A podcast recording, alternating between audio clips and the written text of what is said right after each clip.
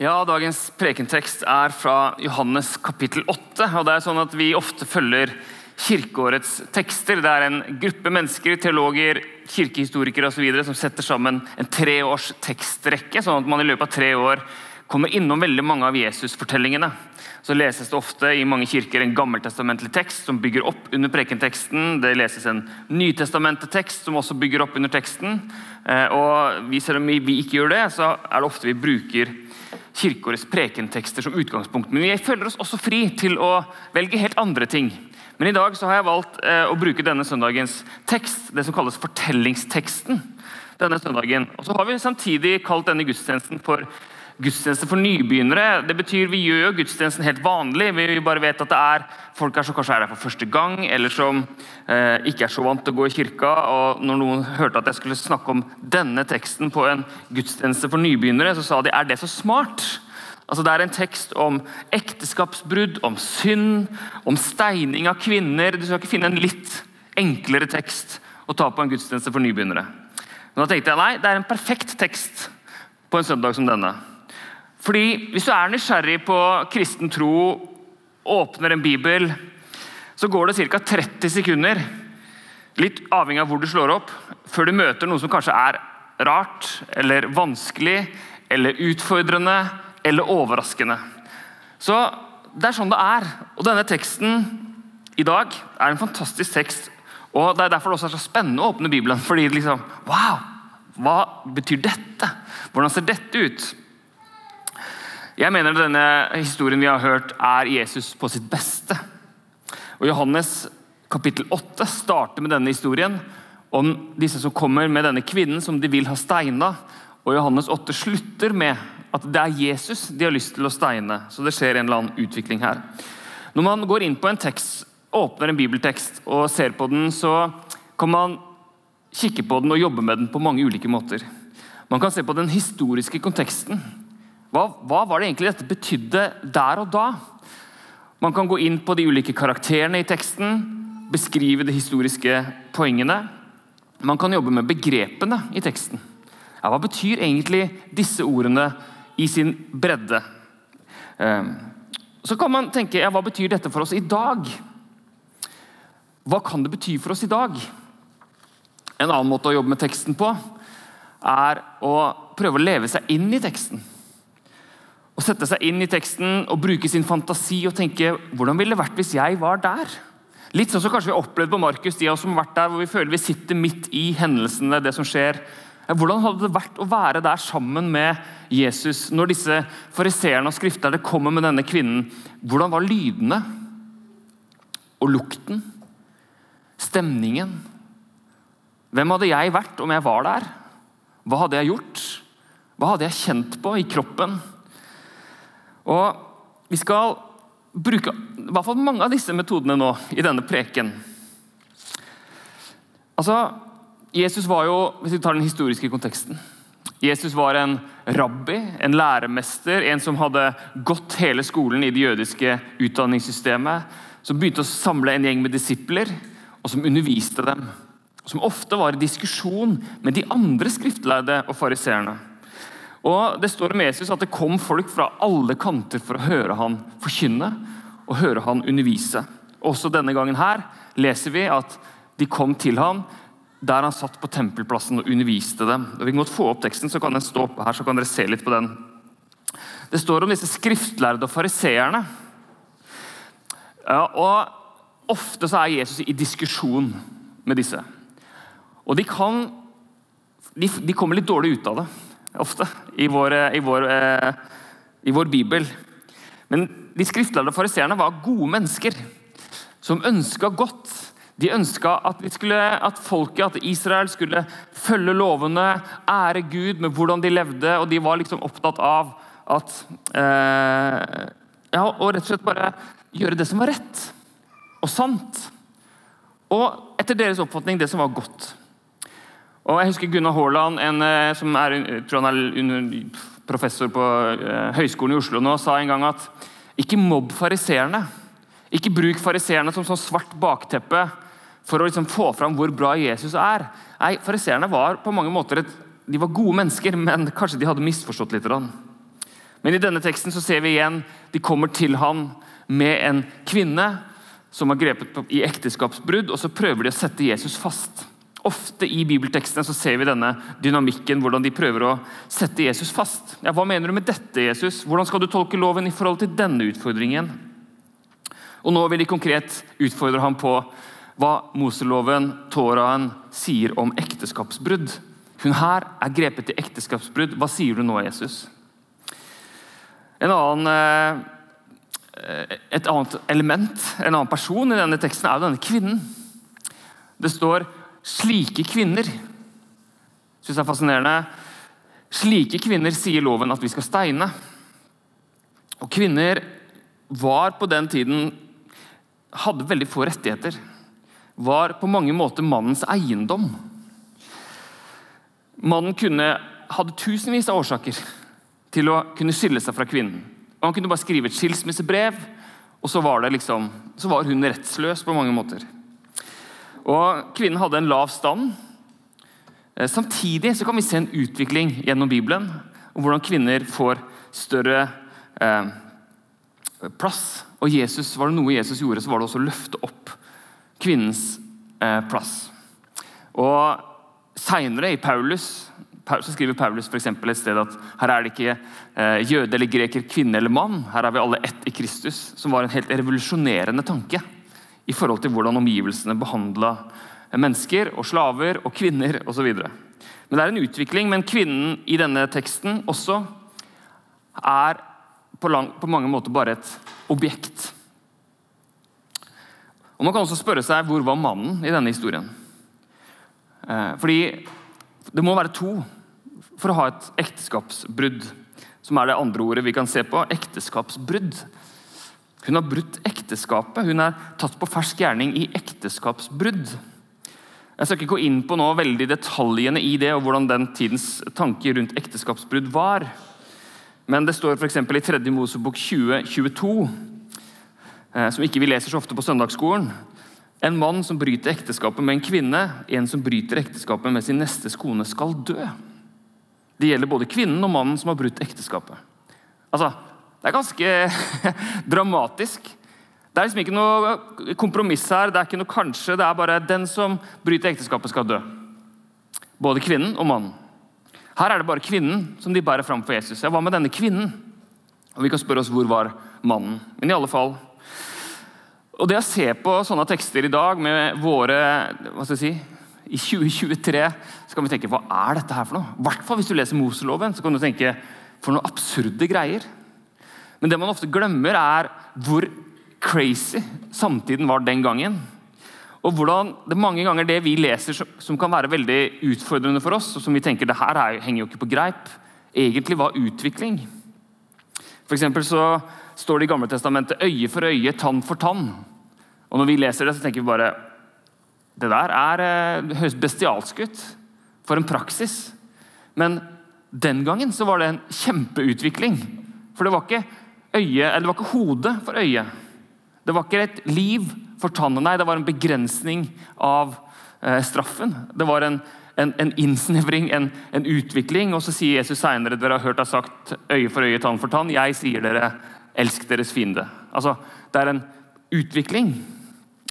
Så Når vi ser på det nå, så kan vi tenke ah, så gammeldags eller så håpløst. Ja, Men allikevel, det er, det er en, eh, si, en, utvikling og en, det er på vei et sted. En historisk progresjon i teksten. Vi må snakke om et annet begrep som er viktig her, eh, som er synd. Og Nå er ikke konseptet, om man kan kalle det det, synd, så veldig populært. Det har det sikkert aldri vært. Men det er i hvert fall ikke mye brukt i dag. Jeg vet ikke hvor mye den jevne nordmann går rundt og ser på seg selv som en synder. Tenker at ja, men jeg har dårlig eller jeg, jeg tror mange kan tenke at ja, men jeg har dårlig samvittighet for noe. Jeg tror mange har en erkjennelse av at de har gjort ting feil, at det er mange idealer de ikke lever opp til. Men om mennesker går rundt og kjenner at jeg er en synder i behov av nåde, eller frelse, eller tilgivelse fra Gud, en eller annen Gud, det tror jeg veldig få gjør. Det er iallfall min erfaring. Jeg tror kanskje mange kjenner på en sånn altså, Jeg er ikke god nok type opplevelse, men at de går rundt og kjenner på en opplevelse av å være syndere, det er jeg litt usikker på. Men det betyr ikke at det ikke er sant. Paulus sine ord om at alle har syndet, her er det ingen forskjell, er et av kirkens budskap. Og kanskje er det de en av de gode nyhetene også. Fordi det stiller oss alle likt. Alle har syndet. Vi er likt innenfor Gud. Men før jeg sier noe om, mer om synd, så vil jeg bare ha en liten sånn overfladisk samfunnsanalyse i en parentes her. En tankestrek. Eh, og Dere som har hørt meg tale mye, vet at jeg liker sånne digresjoner, parenteser. Det er Noen som mener de er mye lenger enn mine egentlige prekener. Men i alle fall. Eh, på fredag så var jeg, var jeg med på et, sånt, et bønnemøte i byen. Vi er en gjeng med jeg vet ikke hvor mange vi er, kanskje 20 stykker nå, eh, som møtes en gang i måneden og ber. Og Det er sånn by invitation only. Det er ikke noe lukka selskap, men det er liksom ikke et åpent bønnemøte. Men det er ulike ledere og pastorer og prester og biskoper skulle jeg si, i Norske kirke, eller i, i kirken i Oslo som møtes. Og Det har blitt en utrolig fin, et fint fellesskap. Og Det er frokost, og det er tidebønn, og det er lovsang, og det er fribønn og det er forbønn. og det er at Vi er sammen to timer. Og En av delene av det bønnemøtet er en, en samtale. Som er liksom i bønnens rom, men det er, en, det er en delrunde hvor vi alle sier noe. Kanskje vi er 18 stykker, så sier alle noe, og så har vi sånn felles lytting. Og På fredag så ble vi sittende og ha en samtale om utilstrekkelighet om eh, hvordan vi kjenner på utilstrekkelighet i våre egne liv. Og da tenkte jeg her er ganske unikt. At vi kan være 15, 18, jeg vet ikke hvor mange vi var, kristne ledere som sitter, som har fancy titler eller ikke, og så kan sitte og snakke om hvordan vi kjenner på utilstrekkelighet. Men eh, grunnen til at vi gjorde det, var en innledning som jeg hadde. En kort innledning fra en dansk bok som heter 'Utilstrekkelig' som kommer på norsk etter hvert. Eh, av Christian Hjortkjær, en ung teolog og forfatter i Danmark. Som skriver eh, Tittelen på boka er altså 'Utilstrekkelig hvorfor den nye moral gjør de unge psykisk syke'. For Vi kan jo tenke at ungdommer i dag de er ikke opptatt av moral. Så sier denne forfatteren jo, absolutt er de, opp, er de moralske. Men det er ikke en moral som handler om forbud men om påbud. De lever ikke, som han skriver, som sin bestemor, som hadde en tydelig opplevelse av grenser, moralske grenser. Du skal ikke gå utenfor disse grensene. Det er synd, det er ulovlig, det er feil. Det er ikke sånn de unge lever, med en masse grenser av forbud. Det er forbudt. Men de har tvert imot fått påført masse påbud. Han sier at de lever med et enormt press på alt de må gjøre, skal gjøre, skal få til. De lever ikke med en sirkel av forbud rundt seg, men de lever med en sånn, stort, en sånn sky, udefinert sky av idealer som de prøver å strekke seg opp etter, og som gjør de syke, sier han. Han sier dagens mennesker, og kanskje spesielt dagens unge, har fått høre du har alle muligheter. Du kan bli hva du vil. Og du kan få til hva som helst hvis du bare står opp om morgenen, kjemper på å trene før skolen, hvis du er en flink elev, hvis du utnytter ditt potensial, hvis du liksom tar deg sammen opp etter eh, eh, skuldrene, si, så, er du, så er det ingen grenser for hva du kan få til. Og det gir en sånn enorm utilstrekkelighetsfølelse, sier denne forfatteren.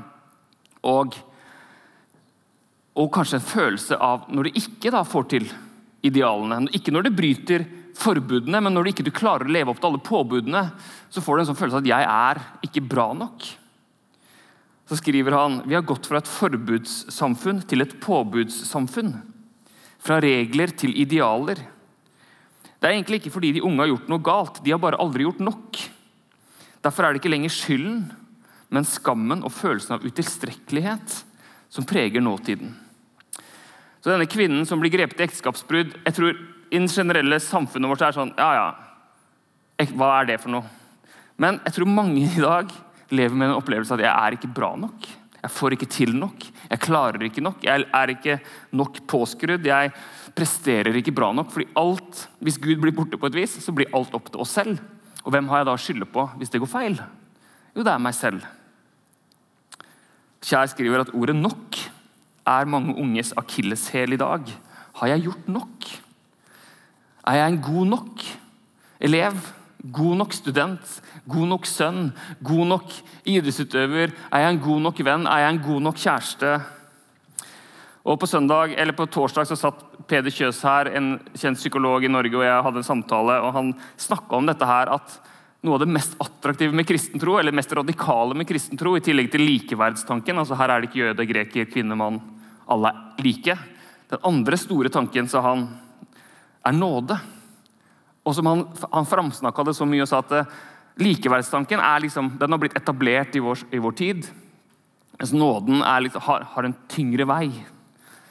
Men han sa jo dette at så, han snakka også om dette her med nok. Og Han sa at han hadde lyst til å ha en T-skjorte hvor det sto liksom 'Du er ikke bra nok'. Og det er gode nyheter, sa Peder Kjøs.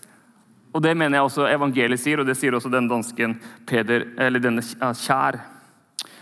Det kristne evangeliet er at ja, du er ikke bra nok, men det er greit. Lengst ned under dine manglende prestasjoner og manglende karakterer og manglende opplevelse, oppfyllelse av idealer, så er du elska. Det som er mest sant om deg, lengst ned, og til hvert ungt menneske som føler at ikke de gjør nok, kan nok, får til nok, det er at ja, men kom, du kommer aldri til å gjøre nok. Men dypest sett så er du elska. Og så er det også det at du er en synder.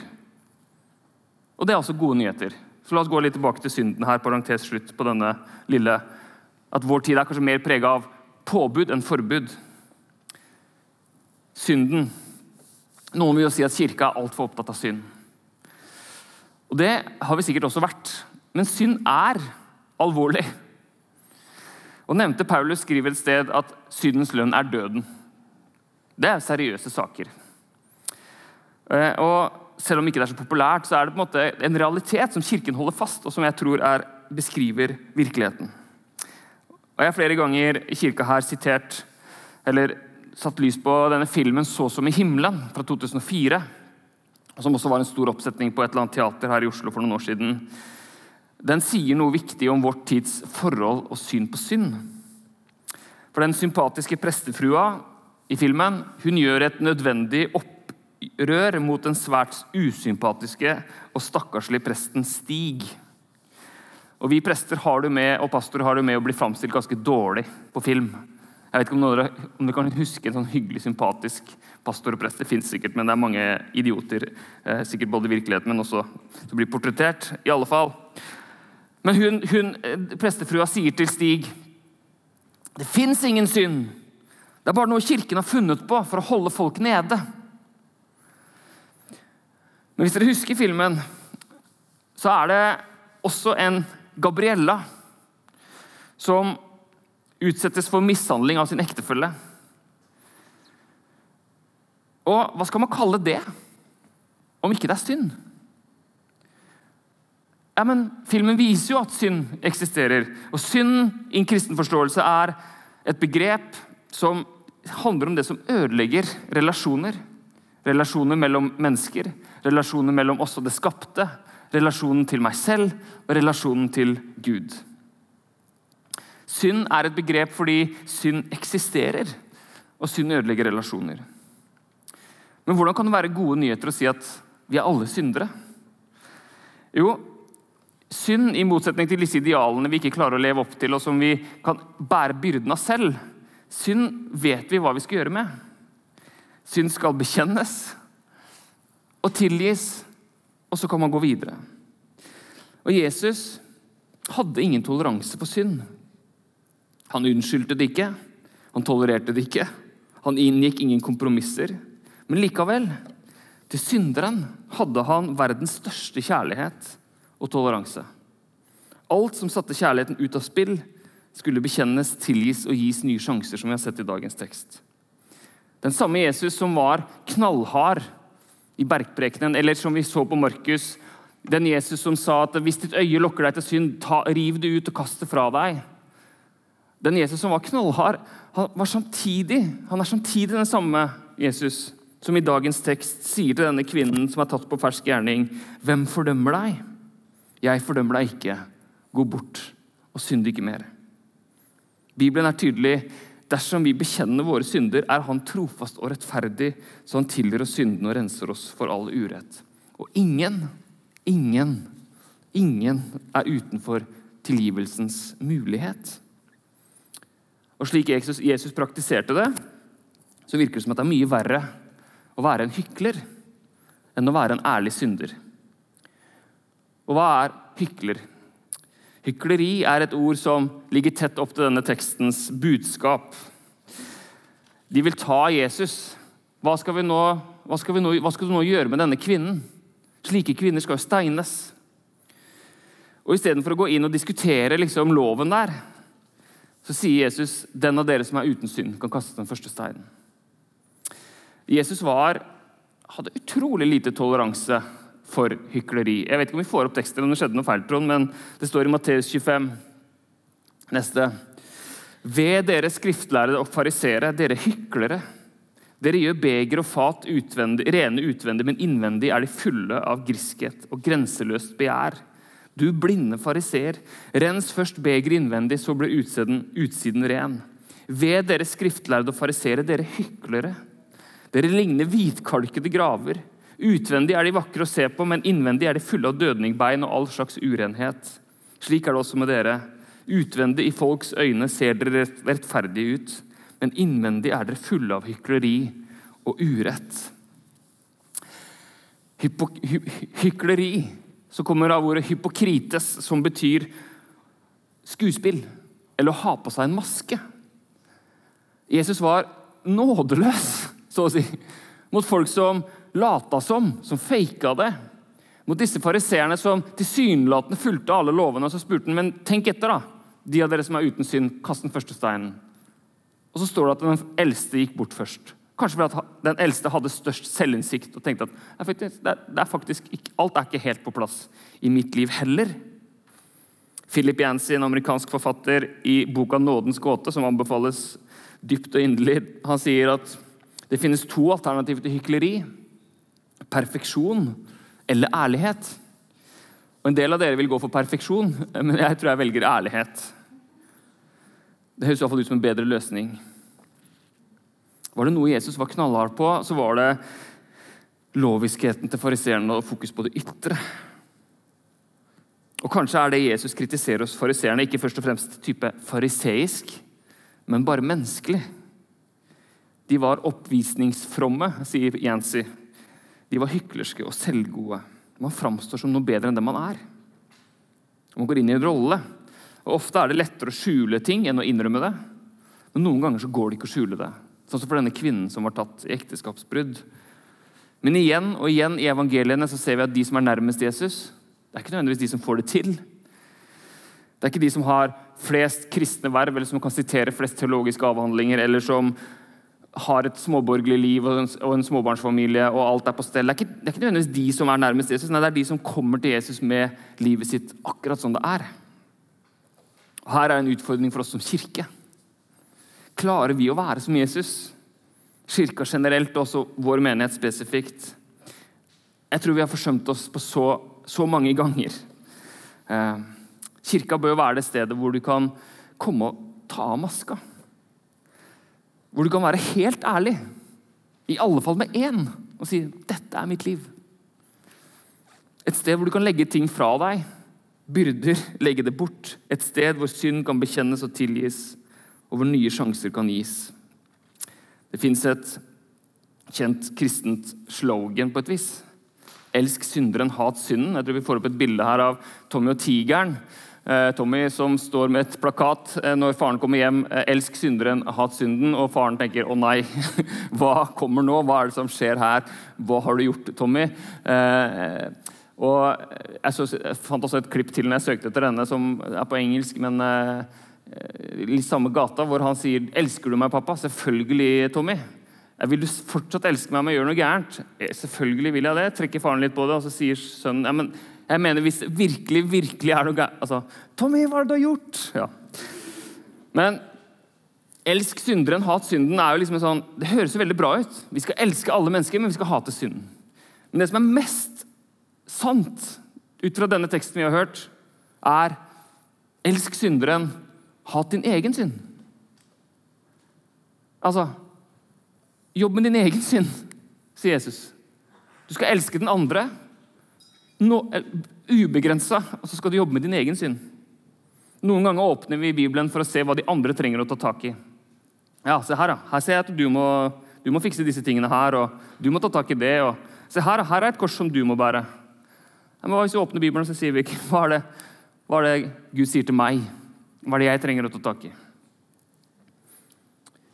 Hvis Jesus hadde vært der og stått på gulvet der, og vi hadde hatt veldig god tid, og alle hadde gått framfor han, sånn som den kvinnen i offentlighet blir liksom lagt framfor han og sagt ja, hva sier du nå? Så hadde vi hørt Jesus snakke til hver enkelt en av oss. Hvis han hadde visst alt om oss, hva ville han sagt? Hva ville han sagt til Ruben, hva ville han sagt til Kristine, til Kirsti, til Rune, til meg? Altså, hva, hva ville Jesus sagt til oss? som alle kunne hørt. Og Kanskje vi tenker å jeg vet hva Jesus ville sagt til den personen, for der er det mye sånn og sånn. Så kanskje vi ville hørt Jesus si noe helt annet. Fordi Jesus kjenner oss på en helt annen måte og vet hva vi trenger mye mer enn det kanskje omgivelsene vet. Et langt sitat mot slutten her. Francis Bufford sier noe om hva som skjer i en kirke utover det man kan se. Han sier vi, vi tar kirkekaffe, vi prater sammen, vi prøver å sjonglere barna og småbarnsvogner og fotballresultatene og hvordan går det med de gamle eller med barna. Men hva er det som skjer under denne tilsynelatende helt vanlige søndagen? Han skriver jo, våre hjerter er i våre øyne når vi ser på hverandre. Vi er engasjert i det umulige eksperimentet det er å forsøke å se på hverandre på den måten Gud ser oss. Det vil si som verdifulle utover enhver pris for årsaker ganske uavhengig av de vanlige egenskapene vi aper litt provoserende, elsker å anerkjenne. Status, karisma, utseende, selvsikkerhet, rikdom, autoritet. Nåde gjør oss til bedre lesere av hverandre. Vi vet ikke hva for oss, hva de andre trenger tilgivelse for. Og det vil vi aldri vite. Men vi vet at de er tilgitt, som vi er, og for lengre perioder av gangen klarer vi å se på hverandre med en god, rolig snillhet. Selv om vi er mange, sier vi, er vi én kropp fordi vi deler dette ene brød. Han henspeiler til nattverden som vi skal feire etterpå. Og så feiler vi, og så prøver vi igjen, og feiler igjen, og forsøker å prøve. Alltid feilende, alltid håpende om å feile bedre. Fordi vi vet at det er gjennom å elske det som gir oss motstand, Gjennom å elske det rotete, vanskelige, intrikate, fascinerende, flekkete materialet denne verden er laget av, denne ene verden, at, vi begynner å se mulighetene, at vi begynner å se mulighetene for Guds rike. Uansett hva vi kommer til denne gudstjenesten med, uansett hva som er vår historie, uansett hva vi ville hørt, kunne hørt, om vi ble brakt fram foran Jesus, så møter Jesus oss som seg selv. Han møter oss ikke likt, fordi vi er ulike, men han møter oss som seg selv. Og så tenker jeg at Noe av det Jesus møter oss med, er en utrolig tro på at ting kan bli annerledes. Det fins håp for en ny start, en ny kurs, en ny begynnelse. Han sier til denne kvinnen, 'Reis deg opp. Jeg fordømmer deg ikke. Gå bort og synd ikke mer.' Avhengigheten kan ta slutt. Frykten kan bli mindre, relasjoner kan gjenopprettes. Jesus bøyer seg kanskje ned for deg, og så sier han 'Jeg har tro på at du kan stå oppreist'. Du kan bli et fritt og tydelig subjekt i ditt eget liv med rak rygg og si 'Dette er meg. Jeg vil møte verden'.